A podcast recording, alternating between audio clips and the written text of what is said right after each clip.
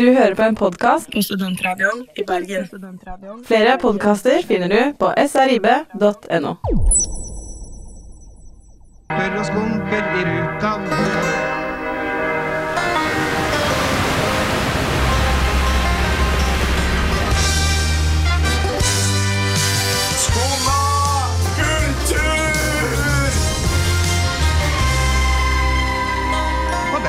Så humper vi opp og ned. God mandags eh, formiddag. Du hører på Studentradioen i Bergen og kulturprogrammet Skumma kultur. Det er en fantastisk flott dag her i Bergen. En skyfri himmel og solen skinner. God dag, eh, Karoline. Hvordan går det? God dag, Emil. Jo, det går supert. Vi skal snakke om kvinner i dag, og jeg er gira. Jeg har drukket kaffe og er våken. Ja, det var. ja, for det var kvinne, den internasjonale kvinnedagen forrige uke, 8. mars. uh, som uh, Ja, vi skal snakke litt om det i denne sendingen. Eh, vi har et innslag annet fra deg, som vi gleder oss veldig til. Vi skal snakke som eh, sagt om kvinnedagen. Vi skal også få inn en eh, gjest. Hvem skal vi, hvem skal vi snakke med i dag, Jo, vi skal få inn leder for Skrivekunstakademiet, Øyunn Viken, litt Ja. etterpå. Da skal vi snakke om alt fra kvinner, jobb, litteratur, søknad. Søknader, veldig viktig. Mm. snart er det tid for eh, å sende inn søknader til de som ønsker å komme inn på Skrivekunstakademiet. Alt dette skal vi snakke om eh, om noen få strakser, rett etter første sangen eh, vår eh, som spilles i dag. Her i Lumetre med sangen Cut to Black.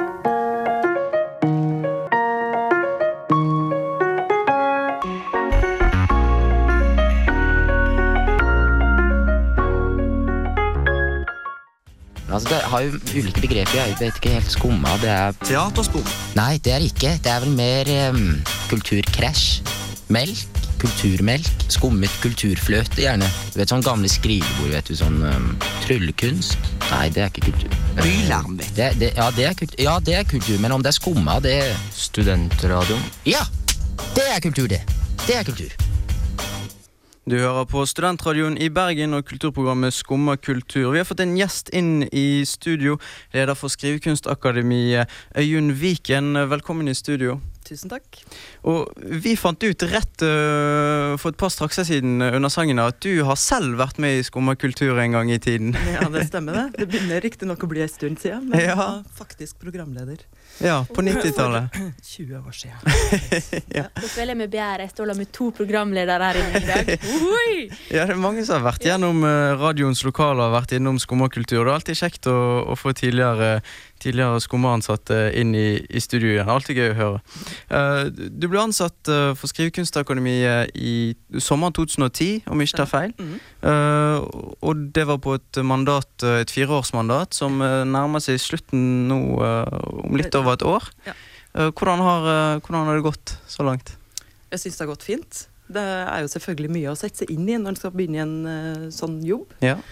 Eh, noe av det var jo kjent for meg. Jeg har vært inn der litt som gjestelærer på forhånd. Men Mm. det er jo en administrasjonsoppgave som da tar litt tid å sette seg inn i. Men jeg Mm. syns at det har gått fint, og nå går det bare bedre og bedre. Og det er veldig kjekt. Veldig, veldig fin plass å arbeide på. Du er også universitetslektor ved UiB. Hvordan har du sjonglert eh, disse to jobbene? Jeg har løpt imellom, da. Ja, en god trim på morgenen funka. Ja, nei, det har jo vært en utfordring i de periodene der det har vært travelt samtidig på begge plassene. Ja. Men eh, det har nå gått på et vis, og mm. nå fra høsten og utover så blir det litt mindre på universitetet og litt mer på, på Skrivekunstakademiet. Ja. Ja. Men eh, for de som ikke vet hva Skrivekunstakademiet er for noe, for, for noen kan det virke litt sånn mystisk, man har kanskje hørt navnet. Eh, det ligger ute på verftet. Det er en liten spasertur. Ikke alle har vært der ute. For nyinnflyttede studenter så er det litt vanskelig å, å få tak i på i akkurat hva Skrivekunstakademiet er for noe. Hva, hva representerer eh, denne skolen? Det å si opplæring i skjønnlitterær eh, skriving, rett og slett. Så det er en slags eh, forfatterskole. Eh, oss er uh, støtta av Hordaland fylkeskommune, så det er dem som drifter oss. Og så er det en høgskole, og du får 60 studiepoeng om du da går igjennom eh, årskurset på Skrivekunstakademiet. Mm. Og det som du får opplæring i, det er jo sjanger, eh, ja, sjangre, ulike litterære sjangre, men det er jo basert på skriften og skriving. Og det er òg det som er bakgrunnen for en søknad til Skrivekunstakademiet. Mm. Vi ser ikke på karakterer, vi ser på et, eh, et verk eller eh, altså Ja. en tekst da, på 10-15 sider. Som er det som er søknaden, på en måte.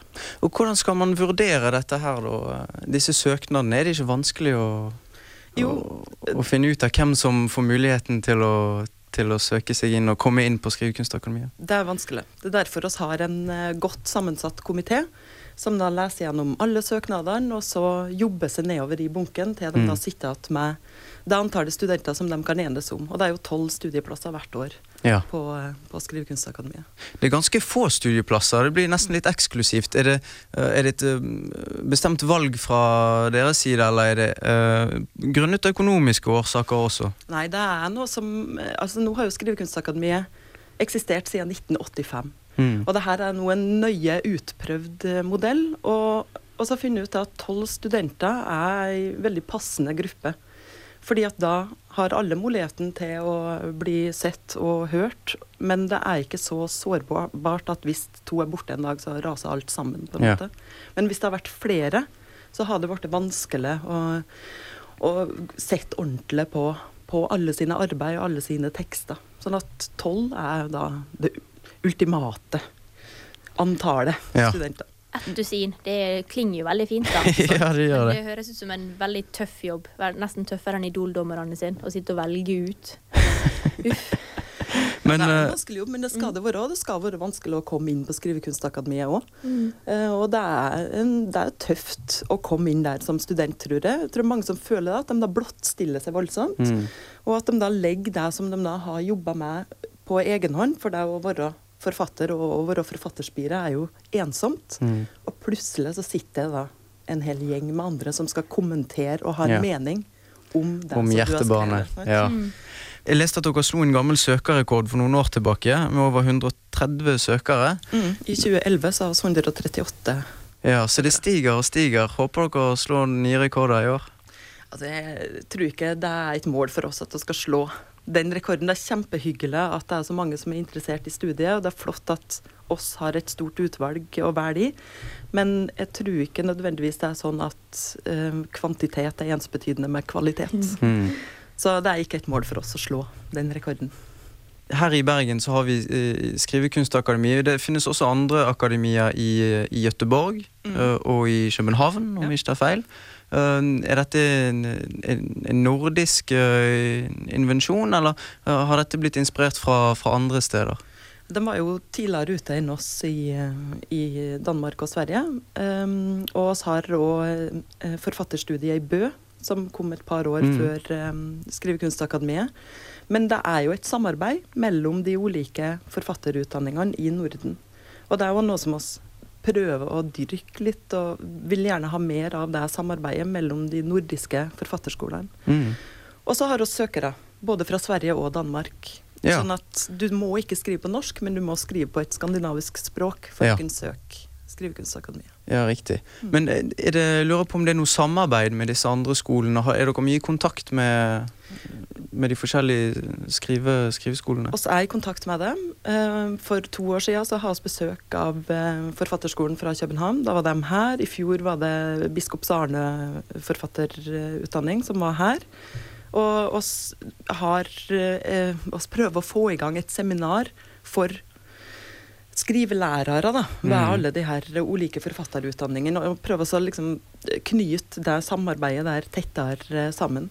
Sjøl om forfatterutdanningene kan være veldig ulike på de ulike institusjonene, så har vi jo noe fellestrekk. Men føler du at det beriker, eh, beriker eh, undervisningen eh, på Skrivekunstakademiet å utveksle ideer? Og, Absolutt. Absolutt. Det er kjempefint å så få inspirasjon og se Mm. hvordan andre gjør det, og kanskje også finne ut at den måten vi gjør det på, er ganske OK. Ja. Mm. Vi skal få høre ukens låt Berlingo med låten 'Barnevakt' her på Studentradioen i Bergen. Vi er tilbake om et få lite øyeblikk.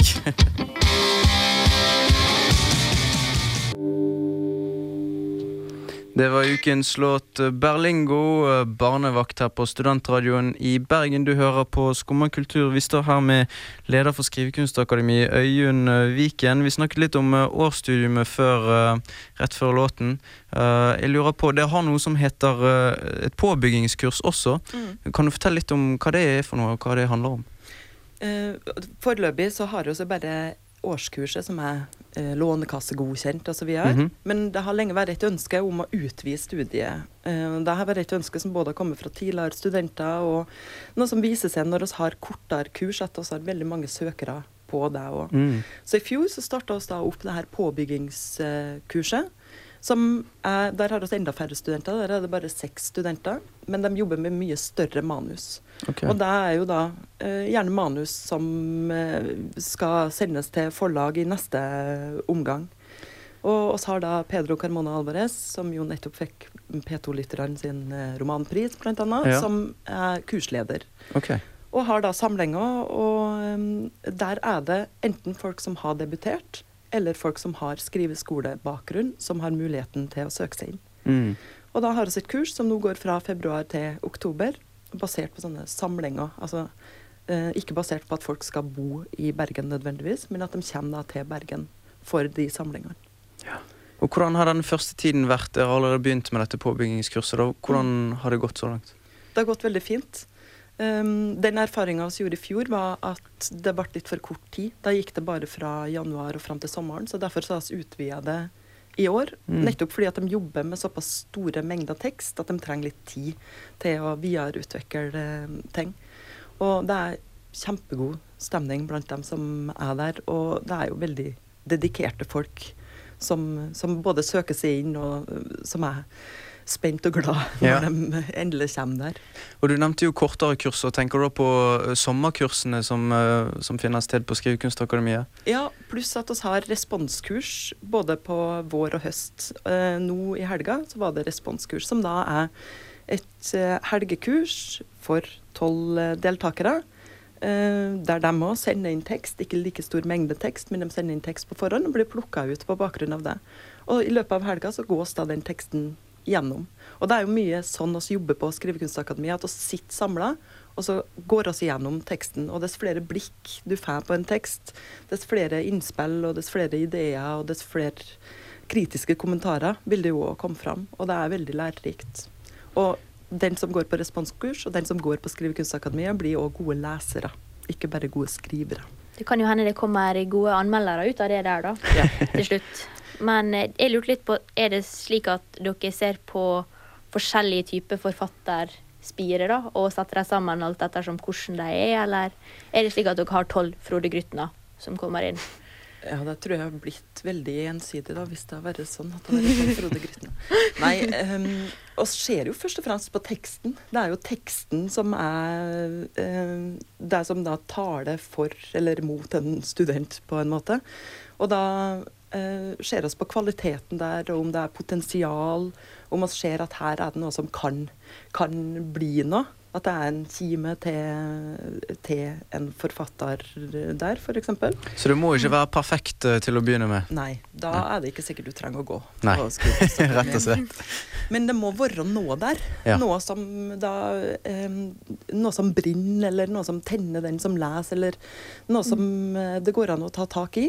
Og så kommer da den der sammensetninga uh, etterpå. Ja. Ja. Hvordan det er miljøet blir da, i klassene. For jeg har sett litt på bilder og sånt Mm. inne, og det virker jo veldig koselig, da. Ja.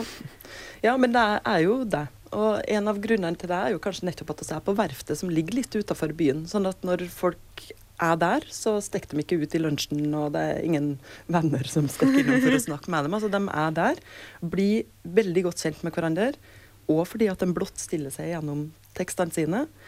Og det blir stort sett veldig, veldig god stemning i de her eh, kulla som på en måte blir tvunget til å være eh, personlige med hverandre.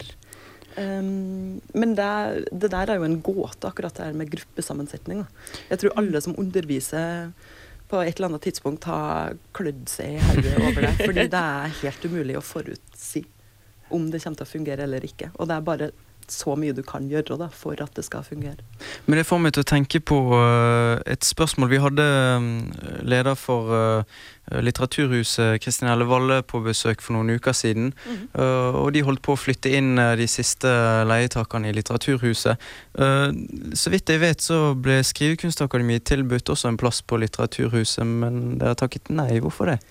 Eh, oss ble tilbudt plass, og det som vi nå egentlig har behov for, etter som vi har begynt med påbyggingskurset, er større plass enn det som vi har nå, og det kunne dessverre ikke Litteraturhuset tilby. Og da eh, var vel tanken hos oss 'why change a winning team', og så har det veldig bra der oss er. Så oss eh, fortsetter å være på Kulturhuset USF, og så har vi enkelte arrangement på Litteraturhuset. Og uh, ser òg fram til at skriveloftet der skal stå klart, sånn at vi uh, kanskje kan få studentene våre inn på noen noe plasser der. Da. For det er en av de tingene som også ikke kan tilby våre eksisterende lokaler. Men Har dere begynt et samarbeid med Litteraturhuset? eller Hvordan ser dere for dere at det kommer til å bli uh, 21. mars er første arrangement som Skrivekunstakademiet da holder på Litteraturhuset. Og da er det alle studentene som da skal lese, pluss at uh, Ukon Ulf Karl Olof Nilsson ja. eh, og Erlend Nødtvedt skal delta på, eh, på, det arrangementet. Og det eh, sies sjøl at det kommer til å bli kjempebra, og alle må komme på det. 21. mars. 21. mars det å notere seg i uh, sin lille studentagenda. Uh, vi snakket litt om meg og Karoline tidligere om hvem som søkte på skrivekunstakademi Akademi, og det var den internasjonale kvinnedagen forrige uke. Så da lurte vi på om det er flest kvinner eller menn som søker til akademiet. Det er flest kvinner. Det er det, ja. ja det er uh, stor overvekt av uh, jenter som søker på Skrivekunstakademiet. Hvorfor tror du det, da? Det har vi lurt på også. Um, jeg vet ikke, rett og slett, om det da er lettere for uh, Altså at det, det, føles som en lavere terskel for jenter å, å, søke på den type utdanning, eller mm. jeg, jeg, vet ikke. Du har jo den myten om at jenter er mer åpne og snakker lettere om følelser og ja. slikt også. Jeg vet ikke, Stemmer ja, det, Emil? Har du lett for å snakke om følelser? Nå ble jeg satt på, på benken her. Nei, eh, nei, jeg vet ikke. Det kan jo hende det er flere, det er flere eh, kvinnelige søkere. altså Rett og slett fordi det er flere kvinner enn menn som, som skriver. Jeg vet ikke, Det høres kanskje litt rart ut, men, eh, men det, som du sier, så, så, er det vanskelig, så er det vanskelig å vite. Ja. Og det er ikke sånn at du trenger å være flink til å prate om følelser for å begynne på Skrivekunstakademiet heller. Så jeg vet ikke om det er det som er årsaken. Nei. Men det er definitivt eh, flest jenter. Men til årsstudiet nå som begynner etter sommeren, så er det da frist, innsendingsfrist 2. april mm. med en tekst på 10-15 sider. Ja. Og det kan være hva som helst. Det kan være poesi, det kan være novelle, det kan være uh, alt mulig. Romanutkast, begynnelse, det kan være mer dramatiske tekster. Ikke, ikke, rent drama, men det kan være mange forskjellige typer tekster. Ja. Mange forskjellige sjangre. Mm. Eh, får dere inn veldig mye forskjellig, eller ser du en tendens til uh, kanskje år etter år at det er en viss tendens som, som, skiller seg ut? Nei, vi får inn veldig mye forskjellig. Selv om jeg vel må kunne si det at uh, året etter at Karl Ove Knausgård uh, slo igjennom med Min kamp, så var det en del tekster som var mer sjølutleverende. Ja. Men det tror jeg kanskje har lagt seg litt igjen, da. Mm. Mm. Men det er veldig mange forskjellige typer tekster, og vi tar jo inn studenter som både driver med poesi og prosa. Ja. Mm. Vel, leder for Skrivekunstakademiet, June Viken, tusen takk for at du kunne komme i studio og svare på våre spørsmål. Takk for at Tusen jeg fikk komme. Tusen hjertelig takk. Kan vi knipseklappe? Vil du knipseklappe? Ja, jeg vil knipseklappe. ok, greit. Tusen takk. Studentradioen her i, i Bergen uh, spiller uh, Alfred Hall 'Lose That Gun'.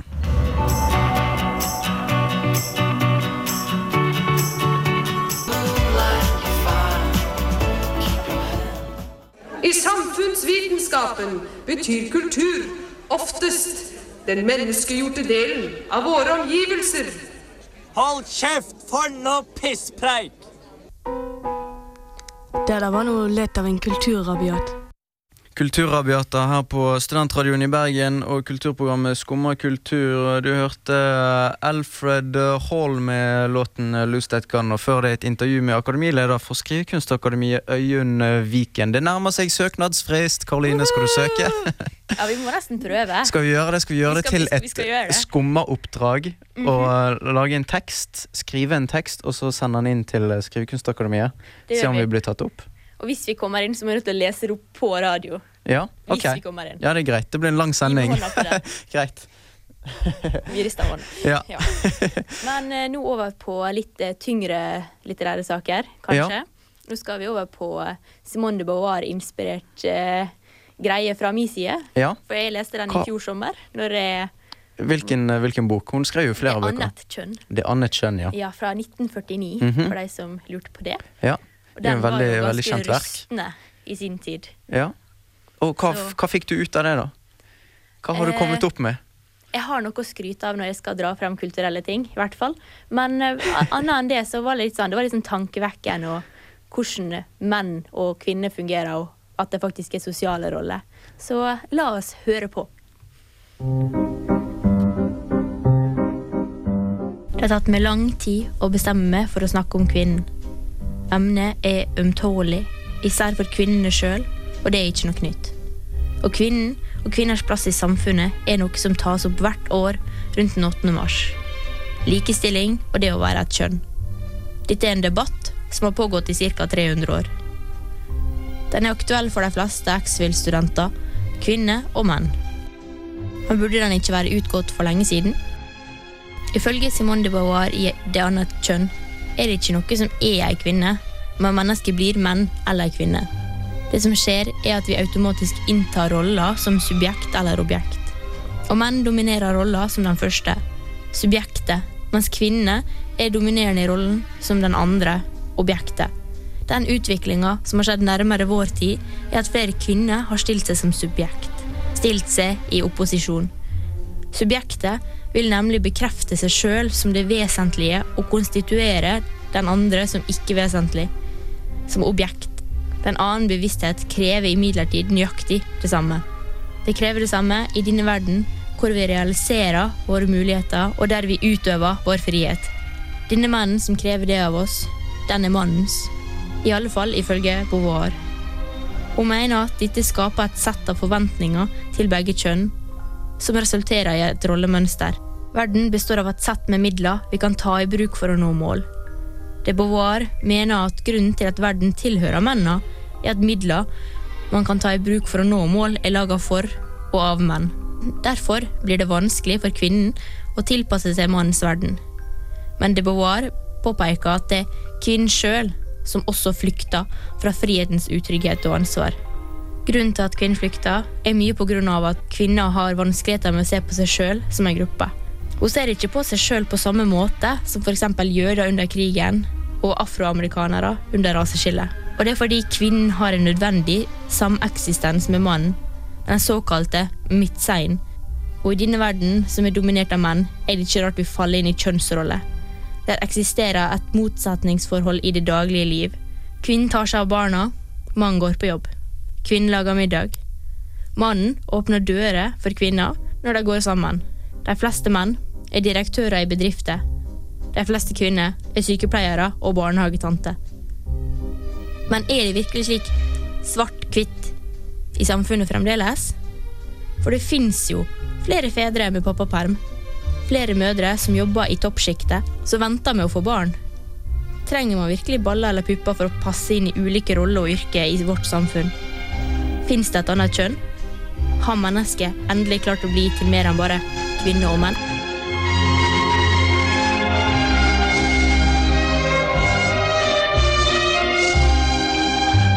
Interessante spørsmål som blir stilt der, eh, Karoline Vassenden. Hva tenker du etter at du leste denne, leste denne boken? Har boken forandret deg på en måte? Jeg vil ikke si at den har forandra meg noe spesielt radikalt. Det du får det bare til å tenke litt mer gjennom Ja. og bli litt mer bevisst på at man gjør litt sånn kjønnsbevisste ting, da, slik som samfunnet har bestemt at det er. Sånn at jenter leker med dukker, og gutter leker med biler og slikt. Mm, kjønnsroller. Ja, at vi blir planta i hodet på oss fra vi er liten av. Så du åpnet øynene dine litt, kanskje, denne boken? Bitte, Ja, bitte, bitte litt. det er så interessant, da. Eh, vi skal snakke mer om, eh, om kvinner og menns eh, rolle i samfunnet etterpå. Vi skal ha høyt filosofi, snakke om kulturen og slikt. Det blir spennende. Men aller først så får vi eh, Er det provoserende dette? Run the World av Beyoncé. Med girls! Woohoo!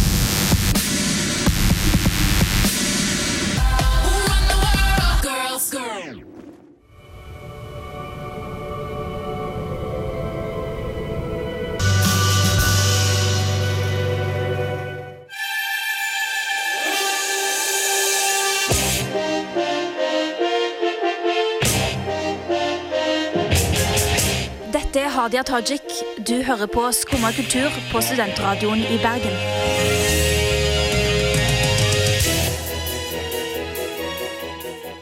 Du hørte Angelicas eh, Elegy Starchild her på Studentradioen i Bergen. Vi i kulturprogrammet Skummakultur.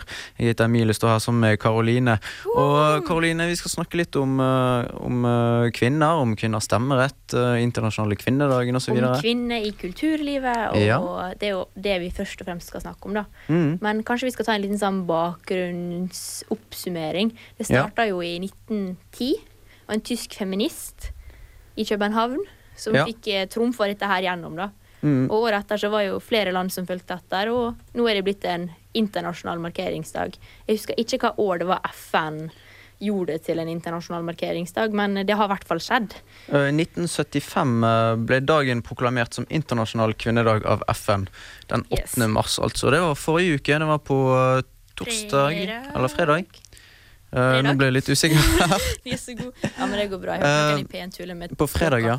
Jo, på fredag stemmer det. Ja. 11. mars i dag. Uh, markerte du på, um, på noen måte? Deltok du i noe kvinnetog eller noe lignende? Dessverre så hadde jeg ikke muligheten til det. Nå prøver jeg å huske hva jeg gjorde på på fredag. Jo, jeg hadde besøk. Ja. Så uh, Jo, det er lov, det godta oss. Men vi var jenter, da. Ja. Vi var flere jenter i ett rom. Så hvis Ja. vi kan late som vi har feira, så har jeg feira. Og så så vi og trena. Men hva syns du om en, eh, om en kvinnedag, egentlig? Om, om å ha en sånn internasjonal kvinnedag hvert, som kommer igjen hvert år? Jeg syns det er viktig for å minne oss på at det faktisk ikke alltid har vært, i hvert fall her i Norge, slik som det er for jenter, at vi kan gå rundt og snakke om så å si det vi vil, og gjøre det vi vil, Mm. bare vi har lyst. Så det er veldig viktig for den grunn, syns jeg. da. Nå er det kanskje ikke lenger en kampdag for å vise at kvinner er best. Det er Mm. mer vise at hei, vi må huske på at vi Og det er ingen grunn til at man skal glemme, glemme det dagen derpå heller, den 9. mars Nei. og de andre dagene i året, selv om man har en internasjonal kvinnedag eh, den 8. mars, eh, altså. Føler du, eh, Emil, at vi burde hatt en internasjonal mannedag òg? Det er jo noen som har sagt det. Det er noen som har sagt det Ja, nei, jeg vet ikke. Det, det eneste jeg tenker på når jeg hører det, er at uh, om ikke de andre dagene i året er eh, tilhører mannen eller herrens uh, altså, Nei, det blir så teit, syns jeg. Uh, jeg syns ikke vi bør ha en internasjonal mannedag eller herredag. Jeg synes det jeg tror ikke vi trenger det. Vi har uh, hatt det greit de siste, de siste hundre årene. Vi har liksom ikke måttet kjempe for, for rettigheter på samme måte som kvinner. Og rettigheter og Altså om det er stemme, rett til å stemme, altså rett til å uttrykke seg eller arbeid eller sosiale rettigheter eller hva det måtte være, så har vi liksom ikke uh, slått igjennom, da, vi menn, eh, sånn som, eh, sånn som kvinner har gjort og, og arbeidet for. Så at vi ikke har en internasjonal mannedag, det går helt fint for min del. det er noe bra å høre, Emil. Det er bra å høre. Men uh, tror du at um, For jeg tenkte jo på det her forleden dag, at uh, det begynner å bli en stund siden. Eh, 1910 eh, var årstallet vi nevnte. Eh, 1913, det er jo eh, 100 år Norges siden. 100-årsmarkering. Ja, jubileum for kvinners rett til å, til å stemme. Uh, som jo var et av de første landene i verden til å, til å godta dette her. Det var altså absolutt Storbritannia. Det lå mange år bak oss. Ja, både 15 Frankrike år. ja, det ble etter krigen, om jeg ikke tar Mm. feil. 46, kanskje 47. I Mm. etter krigen. Så det, eh, Norge var tidlig ute eh, akkurat der. Men er det så lenge siden at man på en måte ikke får noe forhold til det lenger? At, at samfunnet er blitt så likestilt at, at, det, at det er vanskelig å forholde seg til Nå er jo ikke alle kvinner, altså nå kan ikke jeg snakke på vegne av absolutt alle, men uh, de som jeg kjenner slikt, jeg tror det er litt lett å tenke på den måten, da. Så blir det av og til noen som blir litt ekstreme og tenker at de nesten er bedre enn menn. Det blir nesten omvendt Mm. med noen jenter. Ja. kanskje, men kanskje det at vi jenter vi blir litt enda tøffere i trynet fordi at vi rett og slett skal vise at vi er like gode som dere karene. Men jeg tenker litt på uh, den yngre generasjonen, om de har et forhold til kvinnedagen i dag. Eller om, uh, om det er så langt tilbake i tid at man tar det for gitt at man, man er så likestilt som man er i dag. Selv om man ikke har uh, 100 uh, eller full likestilling i dag. At det fortsatt er arbeid å, å gjøre. Det er godt mulig. Veldig godt mulig, på samme måte som de tar det for gitt at vi alltid har hatt Disney Channel. Men eh, Nei, andre ting jeg så faktisk en dokumentar i går som Ja. heter Sexy Girl eller noe sånt på NRK. Mhm. Og der var det ei lita jente på 13 år som var på ene sida veldig samfunnsbevisst og holdt masse debatter og diskusjoner om at vi må nødt til å være klar over at vi er kvinner og at vi har jobba lenge for å få dette til. Men på den andre siden så utleverte hun seg så til de grader på Facebook med pornografiske bilder. Hun var 13 år gammel, hadde så vidt fått sin første bh. Mm. Så det Jeg vet ikke. Det kan jo hende at noen er klar over det, men noen ikke er det. Kanskje, eller kanskje de blir for klar over det, fordi vi pøter inn så mye informasjon på dem. Men det trenger ikke være spesifikt til uh, kvinners rettigheter heller. Uh, det kan hende at det, at det ser en sammenheng til andre ting her i Norge. At vi har liksom At vi har for vane å ta for lett på ting. Da, at, uh, at man tar ting for gitt, kanskje, siden vi har det så godt i Norge. Inkludert uh, kvinners posisjon. Selv om det fortsatt gjenstår uh, en kamp å gjøre. Det gjør det vel så absolutt. Men eh, jeg liker at mannen får komme litt mer inn på kjøkkenet, og mannen får passe litt mer på barna. Så Ja, er, dette del av, ut, ja, er dette en del av likestillingen? At mannen skal uh, koke pasta og, Mm, Det absolutt syns jeg. jeg det en og vaske i hjemmet? Ja, men så syns jeg det er veldig lite mandig å bo hjemme hos mammaen sin når man er 30 år og ikke kunne lage sin egen mat. Ja. Så det der har italienere noe å ta igjen på, da. Veldig mange italienske menn, i hvert fall. Men eh, jeg tenker um, sånn arbeid og sånn, er det uh, Fins det Eksisterer det fortsatt arbeid kun for kvinner, eller arbeid kun for menn, eller kan begge kjønn gjøre absolutt alt? Hvis jeg var en politiker, så ville jeg sagt at alle kunne gjøre absolutt alt. Mm. Men det er jo slik med samfunnsnormene at det enkelte yrker kvinner går lettere til, Ja. samtidig som det yrket menn går lettere til. Hva tenker du på da? Eh, nå tenker jeg først og fremst sånn fleste kvinner Eller det er flest kvinner på sånn sykepleier Ja. og sånn omsorgsretta Mm. yrker, da. Mens Psykologi, kanskje, ja. og så menn Helse. blir eh, kanskje veiarbeidere og Litt mer manuelle Ja, yrker, kanskje? Ja, litt mer sånn praktisk. Mhm. Og der, men det, altså, det går jo så klart sakte over til at det blir mer likestilt. Ja, det er bare at det fremdeles har vi mange år. Man har jo innført kvoter også, at, uh, blant annet på universitetene, at det skal bli På lettere.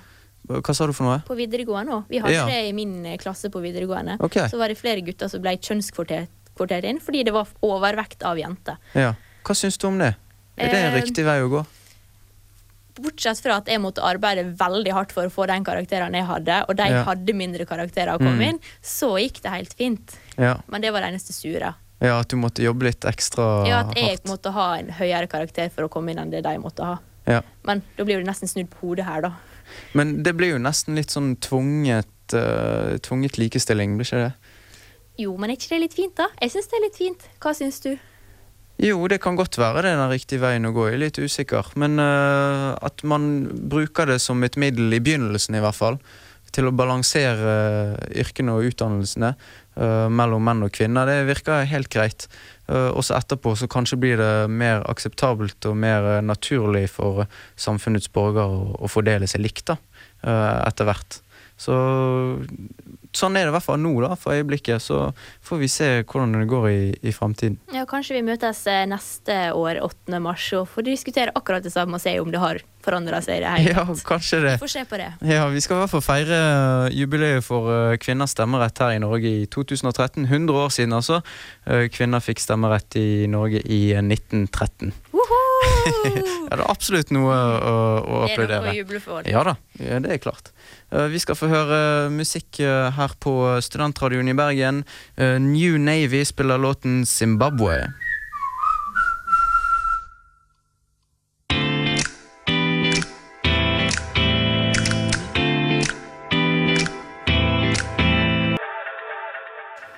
Du hører på Studentradioen i Bergen og kulturprogrammet Skumma kultur. Du hørte New Navy Zimbabwe.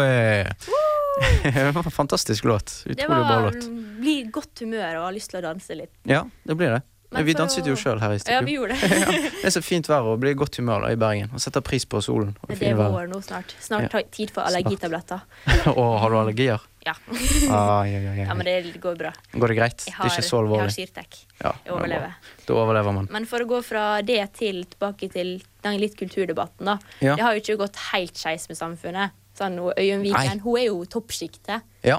Hun er jo leder er på godt. Skrivekunstakademiet, som var mm. her på besøk i stad. Ja. Og vi har jo mange andre direktører. Malin Barth på Stiftelsen 3,14 for eksempel. Så det går jo absolutt veien. Og Kristin Helle Valle på Litteraturhuset. Absolutt. Det er nesten en kvinnedominans, kan man nesten si, i litt Ja. kulturlivet.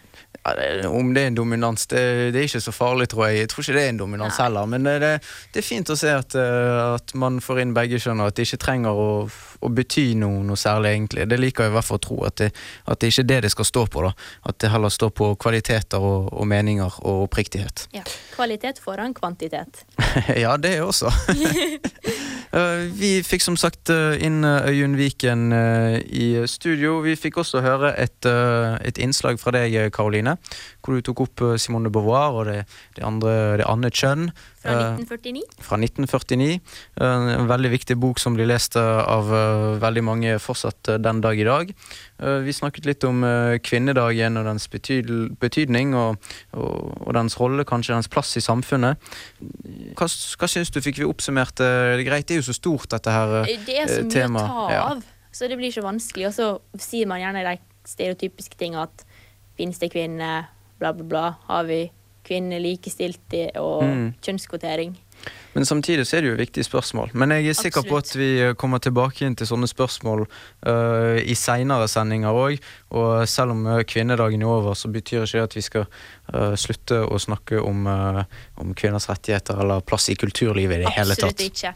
Jeg liker å tenke det at Det er jo noen som sier at vi har én kvinnedag og 364 mannsdager. Men jeg liker å tenke at du er én kvinnedag og 364 unisex-dager. Det er bra sagt. Uh, vil du høre våre podkaster, gå inn på srib.no. Skummakultur er tilbake igjen eh, neste mandag. Samme sted, samme tid, med nye innslag, nye intervjuer og nye radiostemmer. Karoline, uh, tusen takk for at du var med meg her i dag. Bare hyggelig. Tusen takk i like måte. Du skal få høre en aller siste sang her på Studentradioen eh, i eh, Bergen. Eh, Bibio a totalør spilles. Vi snakkes om en uke. Ha det bra!